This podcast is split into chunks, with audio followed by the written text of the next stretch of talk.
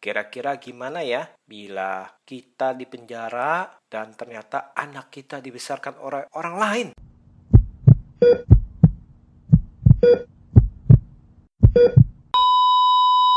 Hey hey hey, selamat bergabung kembali di channel BB69.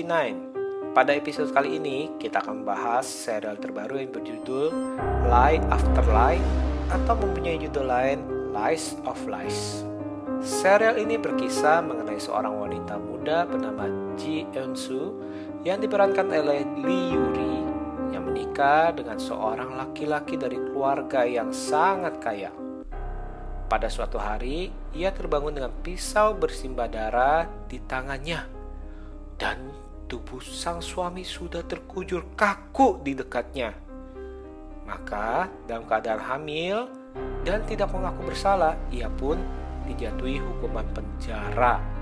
Kira-kira apa yang akan terjadi pada bayi yang dilahirkannya ya? Dan apakah benar dia tidak bersalah?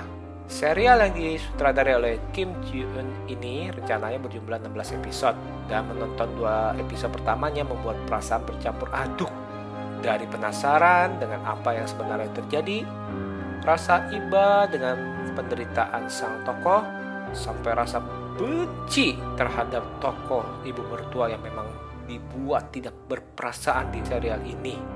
Melihat judulnya saja, ini dapat membuat saya berpikir nih, kira-kira kebohongan-kebohongan apa yang akan diungkapkan di tiap episodenya.